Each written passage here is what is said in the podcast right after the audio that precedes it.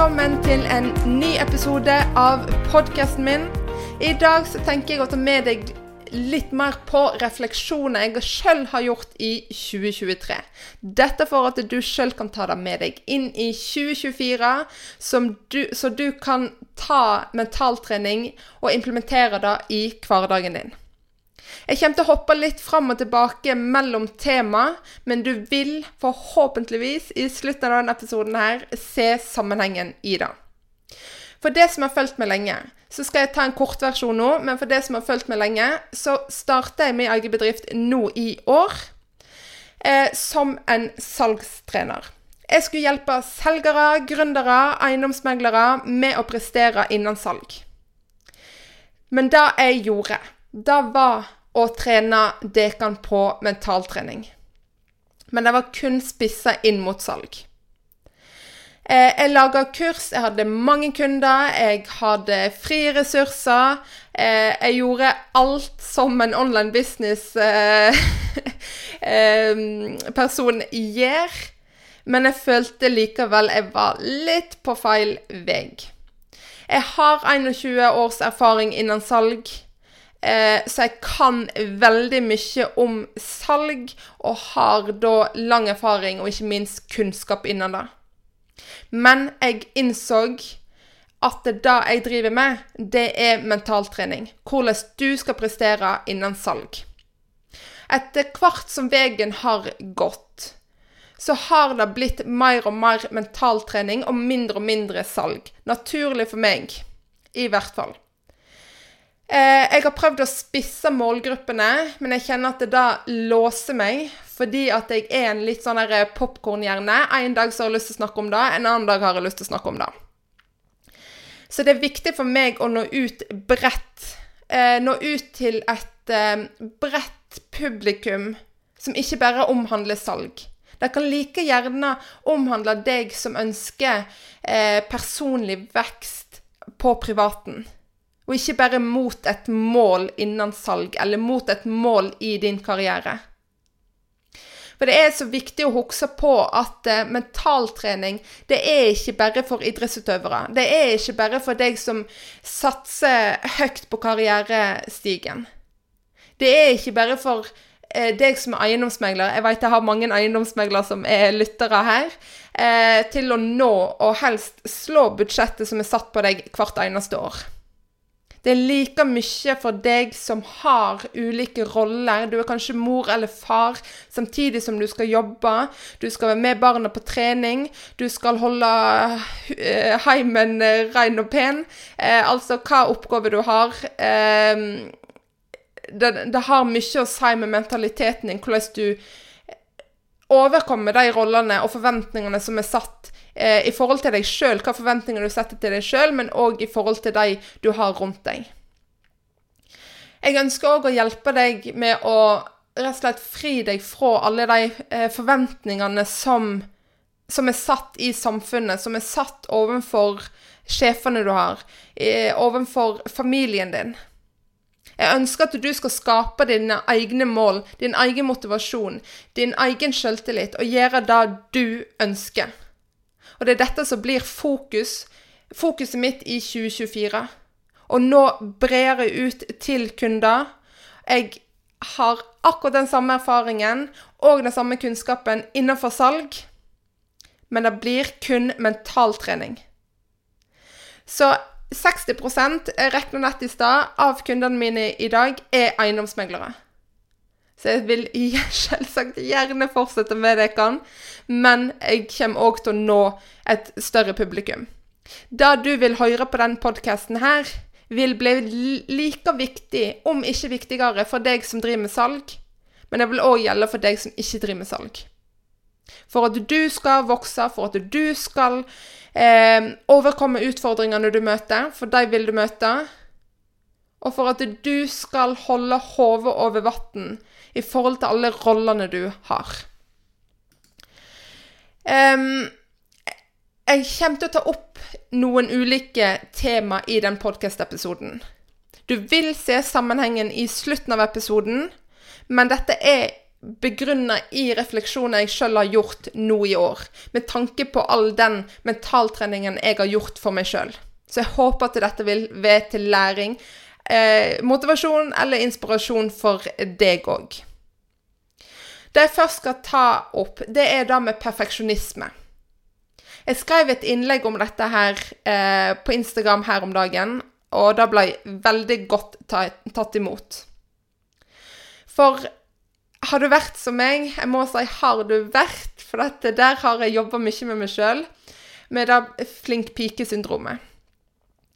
Um, at du hele tida skal prestere i forhold til forventninger fra samfunnet, fra familien og fra deg sjøl, fra sjefer. Uh, at du hele tida skal prestere du må jobbe knallhardt for å oppnå noe. Du må nesten slite deg ut og ikke ha noen tid til egen eh, trening eller eh, egen tid for å lade batteriene. Jeg vil si at dette her er feil måte å tenke på. Det er feil av samfunnet, det er feil av familie, foreldregenerasjonen, besteforeldregenerasjonen å oppdra barn på i forhold til alle forventningene som blir satt på deg. For det er fader meg slitsomt og skal opprettholde alle forventningene som blir satt, og jobbe mot de målene som samfunnet forventer at du skal gjøre. Jeg har i alle år blitt kalt for en perfeksjonist.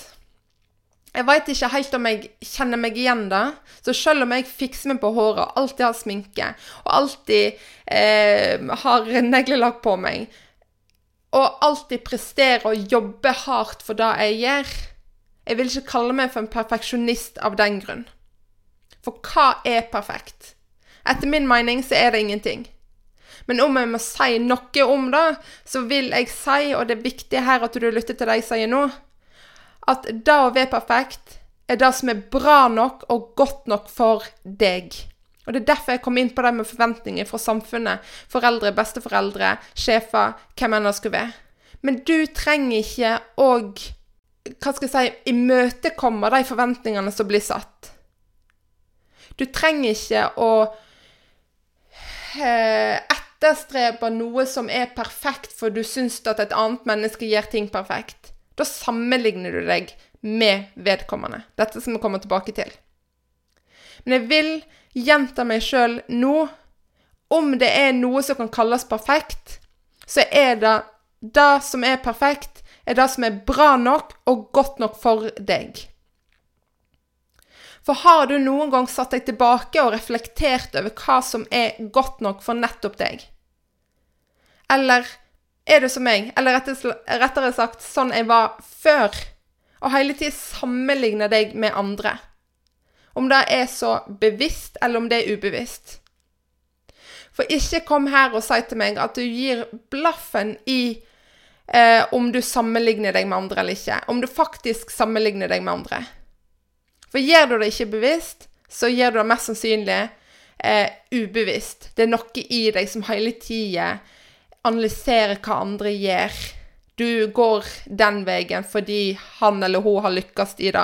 Du går den veien fordi han eller hun har lykkes i det. Så helt ærlig, kommer du noen plass om du sammenligner deg med andre? Må du gjøre som alle andre? Nei, nei og atter nei.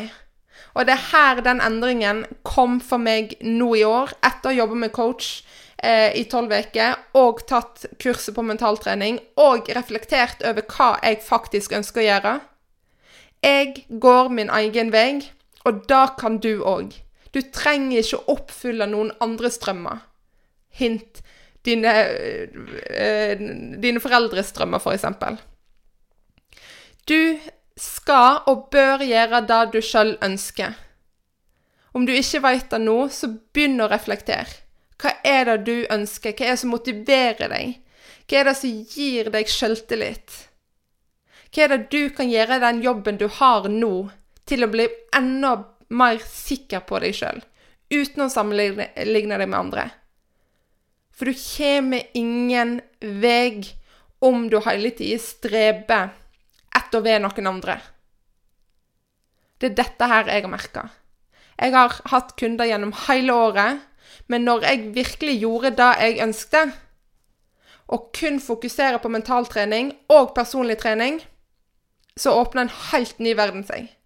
Nå har jeg eh, avtale på avtale lagt for 2024. Jeg skal holde foredrag, jeg skal holde workshop for eiendomsmeglerfirma og for eh, banker, for bedrifter, privat og offentlig.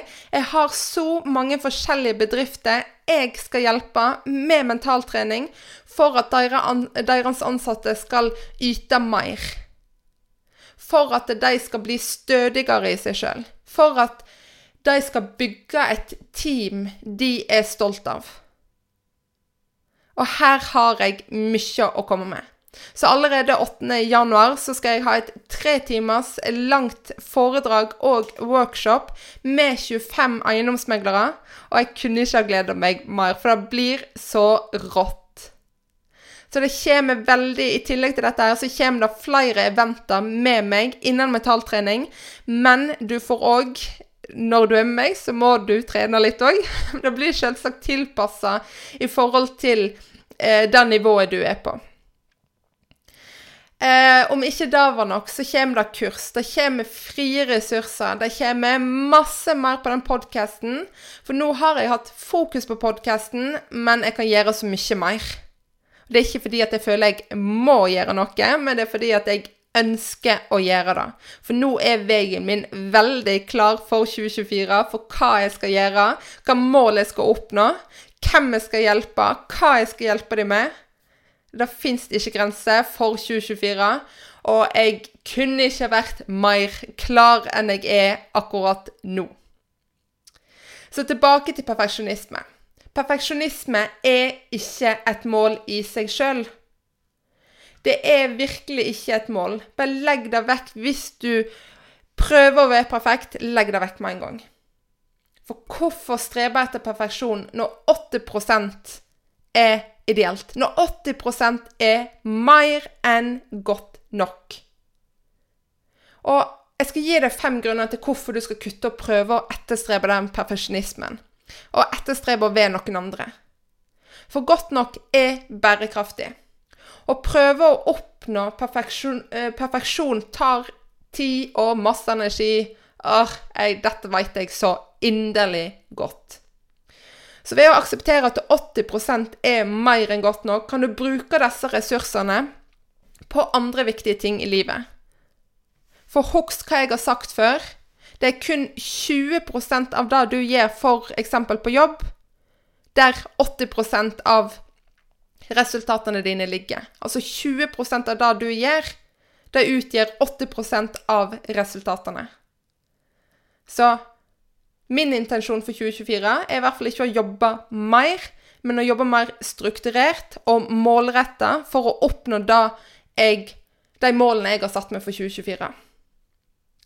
Og når du òg slutter å etterstrebe perfeksjonisme, og sier til deg sjøl at 80% er mer enn nok, så vil du oppleve mindre stress og mer glede i det du gjør.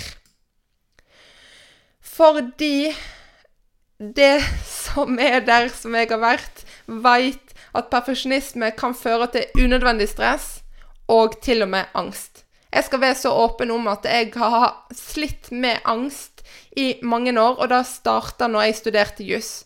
Når jeg tok det som privatist og brukte fem år på å eh, prøve å få de beste karakterene uten forelesning, men jeg skulle lære meg alt sjøl. Jeg fikk ikke sove. Jeg gikk til og med på sovemedisin fordi at jeg klarte ikke å roe meg ned når jeg skulle eh, lese og prestere på eksamen. Um, kan nok si at de fem årene, eller fem og et halvt, for jeg tok opp noen fag, er de verste årene i mitt liv. Fordi at jeg hadde så høye forventninger til meg sjøl. Jeg var ikke sosial. Jeg jobba kun med studiet for at det da skulle bli så perfekt som mulig. For at jeg skulle få de beste karakterene, for at jeg skulle bli advokat i de største firmaene. Jeg sleit meg totalt ut og går litt på sida her, men jeg trente òg i tillegg to ganger om dagen. Jeg har slitt veldig, veldig lenge siden jeg var åtte eller ni år med spiseforstyrrelser. Så da i tillegg til at jeg satt 10-11-12 timer om dagen og las og pugga Virkelig den verste tida i mitt liv. Og alt dette for å fremstå som perfekt, for å oppnå veldig høye mål som jeg har satt meg sjøl, eh, som jeg egentlig ikke ønska. Så perfeksjonisme, igjen, det vil Jeg vil si vil og ikke kan eh, føre til unødvendig mye stress og angst. Og det trenger du virkelig ikke mer av. Så omfavne 80% lar deg nyte livet mer, uten konstant bekymring for å gjøre feil. Eller for å bli akseptert, noe som jeg var veldig viktig for meg. Og I tillegg så må jeg si at jeg jobber òg 70 eh, hos et eh, skadefirma eh, ved siden av studiet. Så du kan tenke sjøl hvor eh, Hva traume jeg har for de fem årene jeg studerte juss i Oslo. Nok om det. Eh, hogst òg 8 er ideelt. Så fremdrift og produktiviteten din, altså når du fokuserer på at 80 lar deg fullføre oppgaver raskere og oppnå mer. Og dette har endra alt for meg. For det er bedre å fullføre prosjekter og komme videre til nye enn å være fastløst, fastlåst i søken på å gjøre den ene tingen perfekt. Dette er noe jeg gjorde når jeg tok mentaltrenerkurset. Jeg skrev to lange oppgaver som jeg skulle levere inn og prestere. Eh, presentere, unnskyld. Eh, skrev og skrev og skrev og tenkte at gud, jeg må gjøre alt jeg kan for å få den beste karakteren. Jeg må virkelig lese dette her ti ganger for å se til at det ikke er noe feil, se til for at eh, alt er riktig, osv., osv. Men der har jeg lært meg at nå er jeg fornøyd. Nå er det godt nok. Og hva resulterte det i? Det resulterte i toppkarakterer på begge oppgavene. På egentlig alt jeg gjorde. Ikke meg for å skryte, men det var mer enn godt nok som viste seg til at jeg fikk det beste resultatet. Jeg trengte ikke å bruke enda mer ting på å perfeksjonere ting, for det var mer enn godt nok. Hadde dette vært på jussen, så hadde jeg sikkert brukt flere uker på de oppgavene her. De her skrev jeg på ei og halv uke. 9000 ord til sammen, eller nesten 10 000. Og det var mer enn godt nok. Det kunne ikke blitt bedre. Bare fordi jeg har senka mine egne forventninger til meg sjøl og det jeg skal levere. Og da hadde jeg så mye mer tid til å fokusere på teori, teorien på kurset, til å heller lese på det, og tilbringe mer tid med jentene mine og Kristoffer, mannen min og trene og alt annet jeg har lyst til å gjøre. Drive min egen business, må ikke glemme det. Så jeg håper at du ser her at 80% er mer enn godt nok. Det gir òg rom for kreativitet hvis du dropper perfeksjonismen. For 80% lar deg tenke nytt og gir deg tid til å eksperimentere med ting. For åpner du øynene dine med å slutte å eh, perfeksjonere alt og se ting fra et annet perspektiv, et nytt perspektiv, så skal jeg love deg at du samtidig vil se nye metoder, nye muligheter som du ikke har hatt tid til eller fokus på på å se tidligere. Jeg har så mange eksempler fra mitt eget liv her. Men det kommer tilbake til det eksempelet jeg ga ifra jussen, og ifra de oppgavene jeg leverte på mentaltrenerkurset. Du blir mer kreativ fordi du fastlåser deg ikke med å ha så mye fokus på den ene tingen. Sett ting i perspektiv, kjære deg. Det er ikke liv og død i å skrive den oppgaven, i å gjøre absolutt alt for den ene kunden. For hva forventer den kunden av deg, egentlig? 80% er mer enn godt nok. Og Det siste punktet i forhold til perfeksjonisme, det er den selvaksepten. Å akseptere at 80% er godt nok, hjelper deg med å akseptere deg sjøl.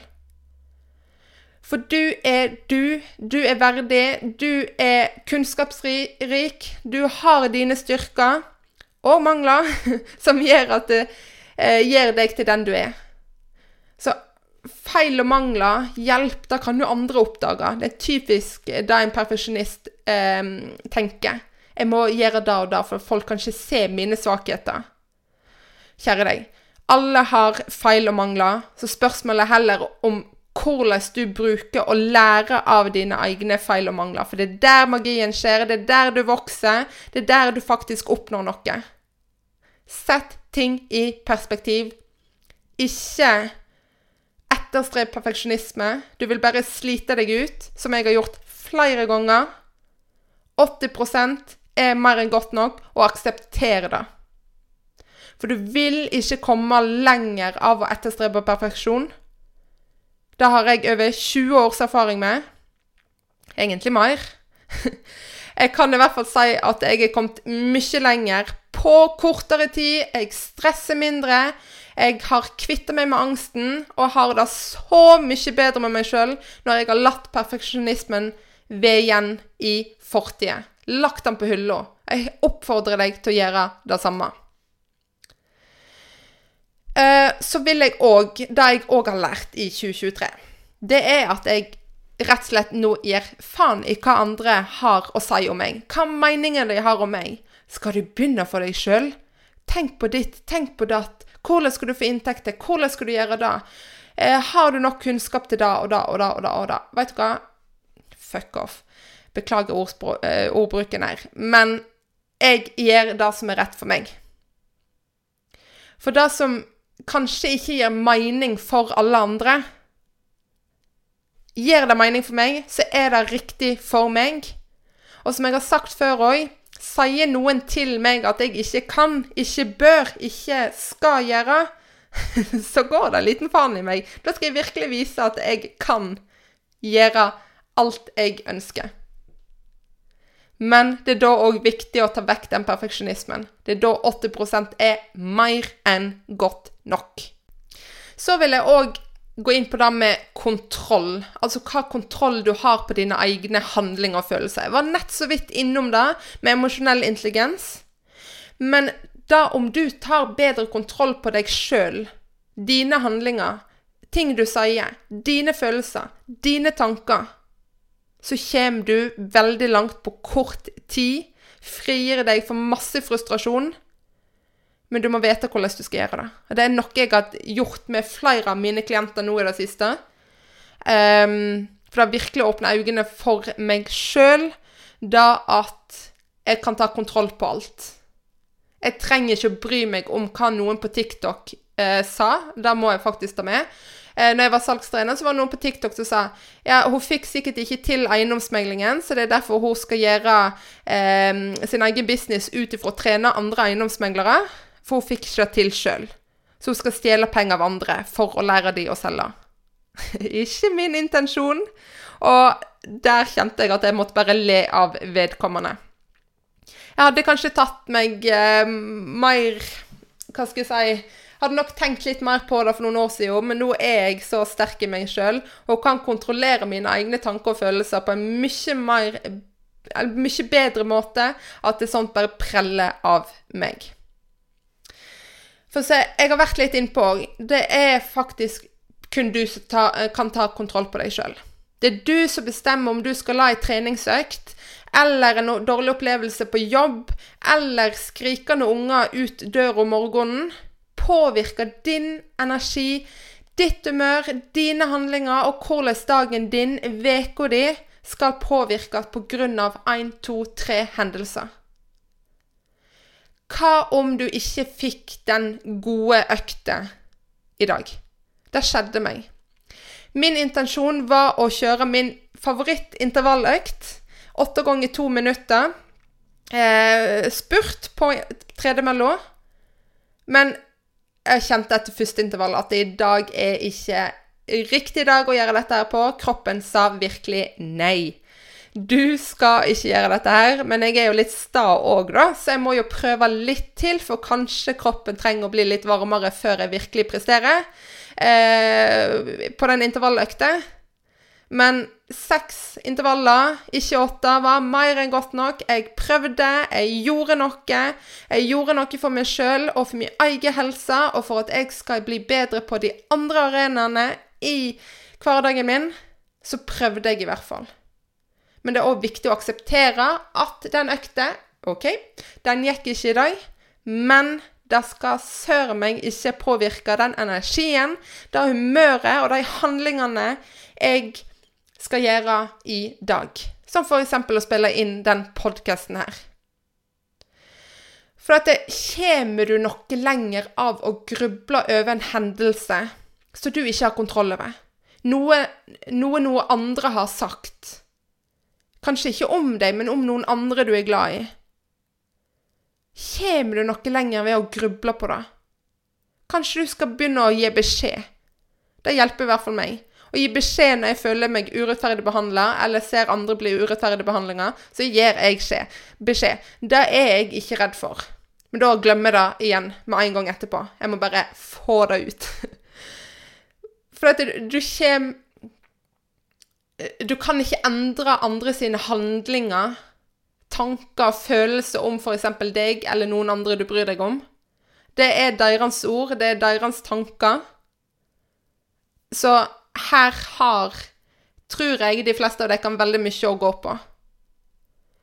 Hva får du igjen av å bli i dårlig humør av den treningsøkta som ikke ble som du ville? Av hva sjefen sa til deg i går, der du føler du kjenner ikke deg igjen? Hva får du ut av det? Mest sannsynlig ingenting. Så konsentrer deg om deg sjøl Vær motivert nok, ha viljestyrke nok, ha sjøltillit nok, ha truen på at du kan. For det er de personene som er dedikerte, som tør å gå ut for komfortsonen, som tør å gi beskjed, som tør å gå videre sjøl om noen snakker deg ned, f.eks. Det er de som gjør det best. Det er de som står stødig i seg sjøl. Det er de som presterer best. Og her kommer vi litt inn på den sjølsnakken òg. Altså hvordan din indre dialog er. Mange av oss har tanker, negative overbevisninger eller tanker om at 'jeg får det ikke til', 'andre er så mye bedre enn meg', eh, 'dette har jeg ikke kunnskap til å gjøre noe med', eh, 'hvem tror jeg at jeg er', Og så videre og Så videre. Sånne tanker kommer opp stadig. Om det er på trening, om det er på jobb, om det er deg som mor, eller om det er deg som far, eller om det er deg som sjef så kommer sånne tanker opp. De kommer Hva skal jeg si Det er mest sannsynlig at de kommer opp når du er trøtt, når du har hatt en hard periode, når du er stressa, når du kanskje sliter litt med angst etter en periode eller en hendelse. Men du kan ta kontroll på dine egne tanker, og hvordan du snakker til deg sjøl. Så her skal du få en øvelse av meg. Når du får opp en tanke om f.eks.: 'Jeg er ikke god nok'. Tenk over Ligger det noe sannhet på den tanken? Ikke god nok i hva? Hva betyr det for deg? Og hvordan setter den tanken begrensninger for deg i det du gjør, i det du skal prestere i? Og det siste du skal gjøre, det er å omformulere 'jeg er ikke god nok' til det du sjøl ønsker, det som motiverer deg. F.eks.: 'Jeg er mer enn god nok. Dette her får jeg virkelig til. Dette her kan jeg.' Det kan være så mangt. Det viktigste er at du lager dine egne affirmasjoner i forhold til det som motiverer deg. Det tar tid. Alt med metalltrening tar tid. Det er nett som en PT som skal hjelpe deg med fysisk trening. Ting tar tid.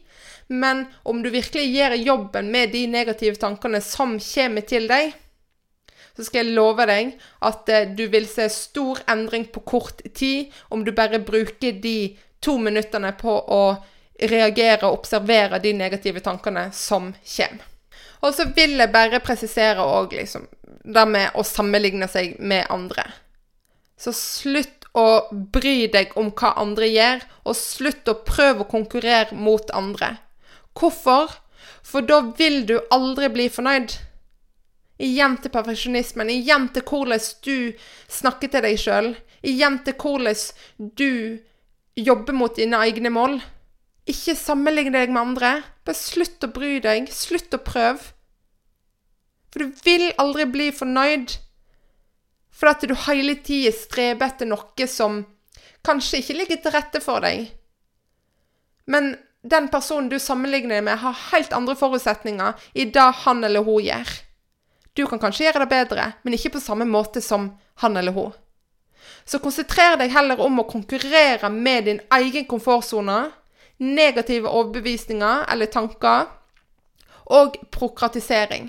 Prokratisering det betyr da å utsette gjøremål til fordel for midlertidige, selv om du vet at utsettelsen av de gjøremålene vil få negative konsekvenser. Så konkurrer mot din egen komfortsone. Våg å prøve noe nytt. Våg å gå utenfor komfortsona, for det er der magien skjer. Det er der du vil mestre det du ønsker, og nå dine mål, og stadig vokse. Så hvorfor snakker jeg om alt dette her? For det er dette her mentaltrening handler om. Å ta kontroll på seg sjøl og gjøre det du ønsker. Nå de målene du ønsker å nå, uten at noen skal ha noen ting å si om det. Det er det jeg gjør nå. Det er det som føles så jævlig bra. og det er det som gir meg den energien og den motivasjonen for det som er eh, å komme. De målene jeg har satt for meg. Eh, både for 2024, men også for hver uke hver måned. Det er det som gir meg den driven til å gjøre mye mer enn jeg noen gang trodde var mulig. Og det ønsker jeg for deg òg. For du skal ikke tillate at den andre skal si hva du skal gjøre og ikke skal gjøre. Du skal ikke tillate at den andre prøver å sette forventninger på deg som kanskje er urealistiske, men som du ikke ønsker å gjøre. For uten å være redd for å gjøre det du ønsker å gjøre, fordi din mor eller far har sagt at du ikke kan eller bør, bør gjøre noe, lag din egen selvtillit, for selvtillit er et valg. Gi deg den viljestyrken du trenger for å gjøre det du vil. Og gi deg sjøl den motivasjonen til å prestere. Og så ønsker jeg òg avslutningsvis å oppfordre deg til å bli klarere overfor deg sjøl. Hva du skal bruke dine tanker, din energi på, hva du skal utelukke, hva du skal droppe for å gjøre det du ønsker. Altså for å frigjøre, frigjøre tid til det du ønsker. Må du vaske huset denne uka her? Kanskje du bare kan støvsuge? Må du ta på deg et nytt oppdrag som sjefen din vil at du skal gjøre, når du har mer enn nok å gjøre fra før av? Hva må du gjøre? Hva bør du gjøre? Og hva kan du droppe å gjøre? Og i den anledningen òg så vil jeg si òg Trenger du hvile, så ta den hvilen. For hvile er ikke latskap. Hvile kan være så mye. For noen er det å ligge på sofaen. For noen er det å eh, lese ei bok. For noen er det å ta seg en treningsøkt. For noen er det å eh, ta seg en reise, reise på hytta. Det kan være så mangt. Alt dette er hvile. Og hvile er ikke latskap. For de fleste av oss det går i full rulle hver eneste dag. Så hva gjør du for deg sjøl for å få overskudd? Altså, hva, hva gjør du for deg sjøl? Hvor lenge kan du kjøre på sånn som du gjør nå? Ta den treningsøkta. Ta vekk sånne uviktige gjøremål for å lade batteriene dine. For da har du mer å gjøre. Du har mer energi for deg sjøl. Du får klarhet i hva du ønsker. Du har mer å gjøre på jobb. Du har mer å gjøre hjemme. Du er mer til stede i alt du gjør.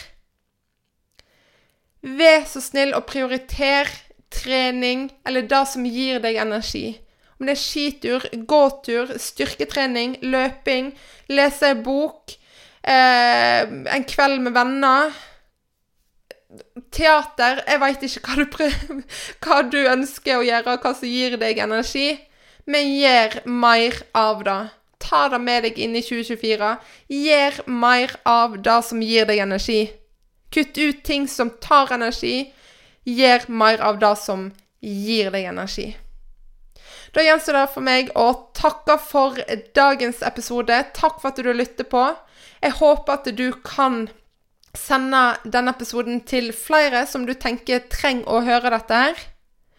For jeg ønsker å at den podkasten skal vokse. Det kommer så mye bra framover. Det kommer én episode til før eh, vi går inn i det nye året. Men jeg tar meg en liten juleferie imellom siste episode før vi går inn i 2024.